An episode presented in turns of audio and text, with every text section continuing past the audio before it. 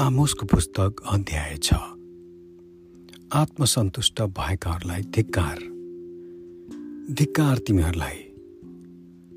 जो सियोनमा निर्धक्कसित रहन्छौ र तिमीहरूलाई जो सामरियाको डाँडामा आफू सुरक्षित ठान्छौ तिमीहरू प्रथम जातिका ख्याति प्राप्त भएका मानिसहरू जस कहाँ इजरायलका मानिसहरू आउँछन् कलनेहमा गएर त्यहाँ हेर। त्यहाँबाट महान हमातमा जाओ। त्यसपछि पलेस्तीहरूको गाँतमा जाओ।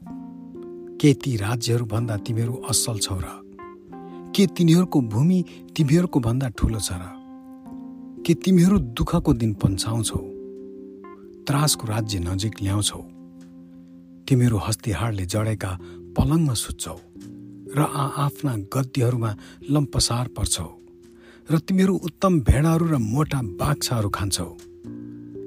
तिमीहरू दावतले चाहिँ बिडा बजाउँछौ र सङ्गीतका बाजाहरूमा तत्कालै धुन रच्छौ।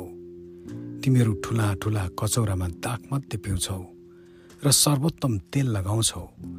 तर यो सेपको विनाशमा केही अफसोस गर्दैनौ। यसकारण निर्वासनमा जानेहरूमध्ये तिमीहरू पहिला हुनेछौ र तिमीहरूका भोज र मोजमजा समाप्त हुनेछ।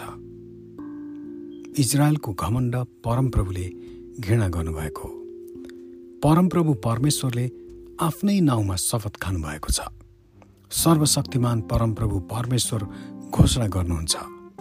म याकुबको घमण्डलाई घृणा गर्छु र त्यसका किल्लाहरूलाई तुच्छ ठान्छु। म यसमा भएका सबै कुरा समेत यस सहरलाई शत्रुको हातमा सुम्पिदिनेछु। यदि एउटा घरमा दसजना मानिस बाँकी रहेछन् भने तिनीहरू पनि मर्नेछन् जब कसैको कुटुम्बले जसले लासहरू जलाउनेछ घरभित्रबाट लास निकाल्न भनी आएर त्यहाँ लुकेकालाई तिमीसित अझ अरू कोही छ? भनी सोध्छ। अनि उसले जवाफ दिन्छ अह छैन। तब त्यसले भन्छ चुप लाग। हामीले परमप्रभुको नाउँ लिनै हुँदैन। किनकि परमप्रभुले आज्ञा गर्नुभएको छ र उहाँले ठुलो घर टुक्रै टुक्रा र सानो घर धुलो पिठो पार्नुहुनेछ के घोडाहरू चट्टानहरूका भिरालामा दौड्छन्? के कसैले त्यहाँ गोरु जोत्छ? तर तिमीहरूले त न्यायलाई विष र धार्मिकताका फललाई तितो बनाएका छौ। तिमीहरू जसले लो देवारको पराजयमा आनन्द मनाउँछौ र भन्छौ के हामीले आफ्नै बलले कार्नै लिएनौ? के इजरायलका घराना हो? सर्वशक्तिमान परमप्रभु परमेश्वर भन्नुहुन्छ।